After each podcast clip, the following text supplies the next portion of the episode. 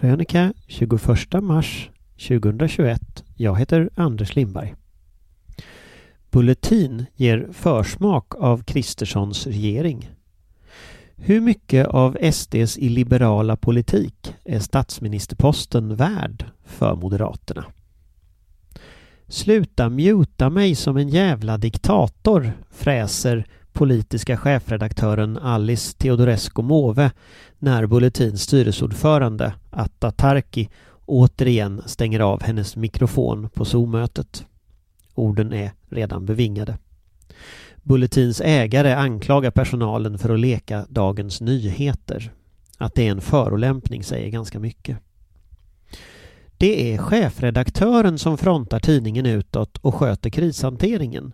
Då ska inte en ägare komma in och fucka upp krishanteringen genom formuleringar på värsta jävla haveristnivå, säger Bulletins chefredaktör Ivar Arpi.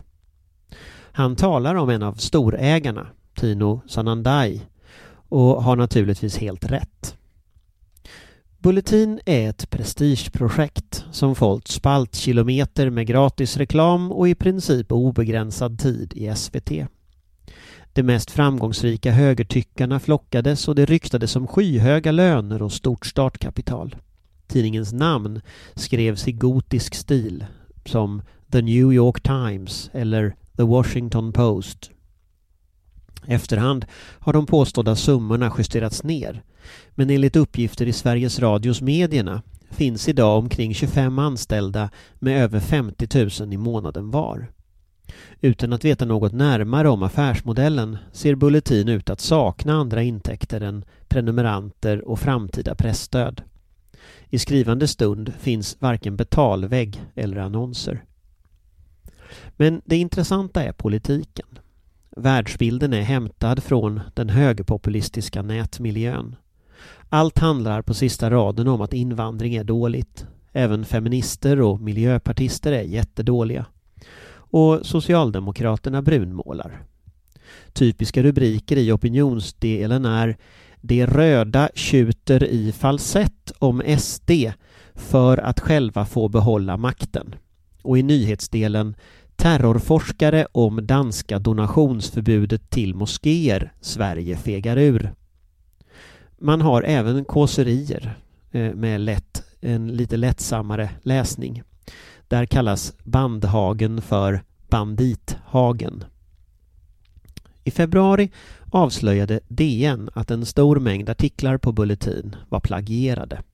Och sedan dess har rapporterna om olika intriger exploderat. Men vad trodde ni egentligen? Får jag lust att fråga. Bulletin förenar två nyanser hos den nya högern.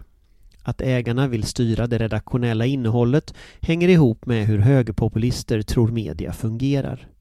Man ser SVT som vänster, på riktigt, och tror att LO styr texterna på Aftonbladets ledarsida.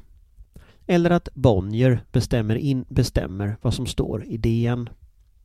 Nu försöker de styra sin tidning precis så. De har helt enkelt gått på sina egna myter. Detta frontalkrockar med en redaktion skolad på riktiga medier som vet att ansvarig utgivare bestämmer och även om de ständigt reproducerar den högerpopulistiska mytologin utåt har de inga planer på att själva leva så. Konflikterna på Bulletin är på detta sätt en föraning om Ulf Kristerssons regering.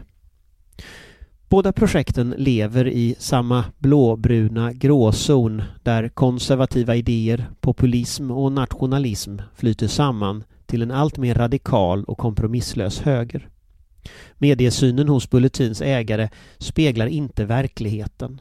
Men det gör inte heller resten av den högerpopulistiska världsbilden. Den som Moderaterna nu vill bygga sin regering på. Detta vet naturligtvis både Ulf Kristersson och Alice Teodorescu Måwe.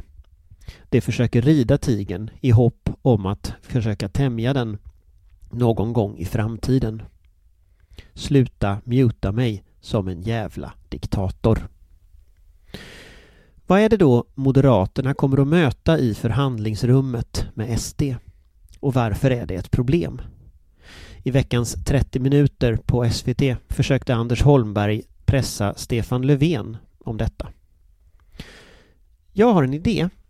Vi kan leta i SDs riksdagsmotioner.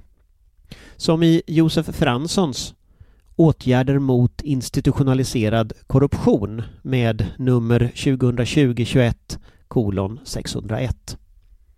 Fransson vill reformera och banta public service till en bråkdel, ta bort pressstödet, halvera partistöden, avskaffa det nationella sekretariatet för genusforskning samt stöd till genusvetenskap, stryp forskningsmedel till ovidkommande faktorer som klimat och genus, sänk anslag till universitet som håller på med antivetenskapliga ideologier som genusteori och identitetspolitik. Lägg ner Jämställdhetsmyndigheten, lägg ner BRÅ, frånta myndighetsuppgifter och kapa tillhörande statsbidrag till samtliga ideella eller ekonomiska föreningar som uppbär sådant som Folkbildningsrådet och KRAV.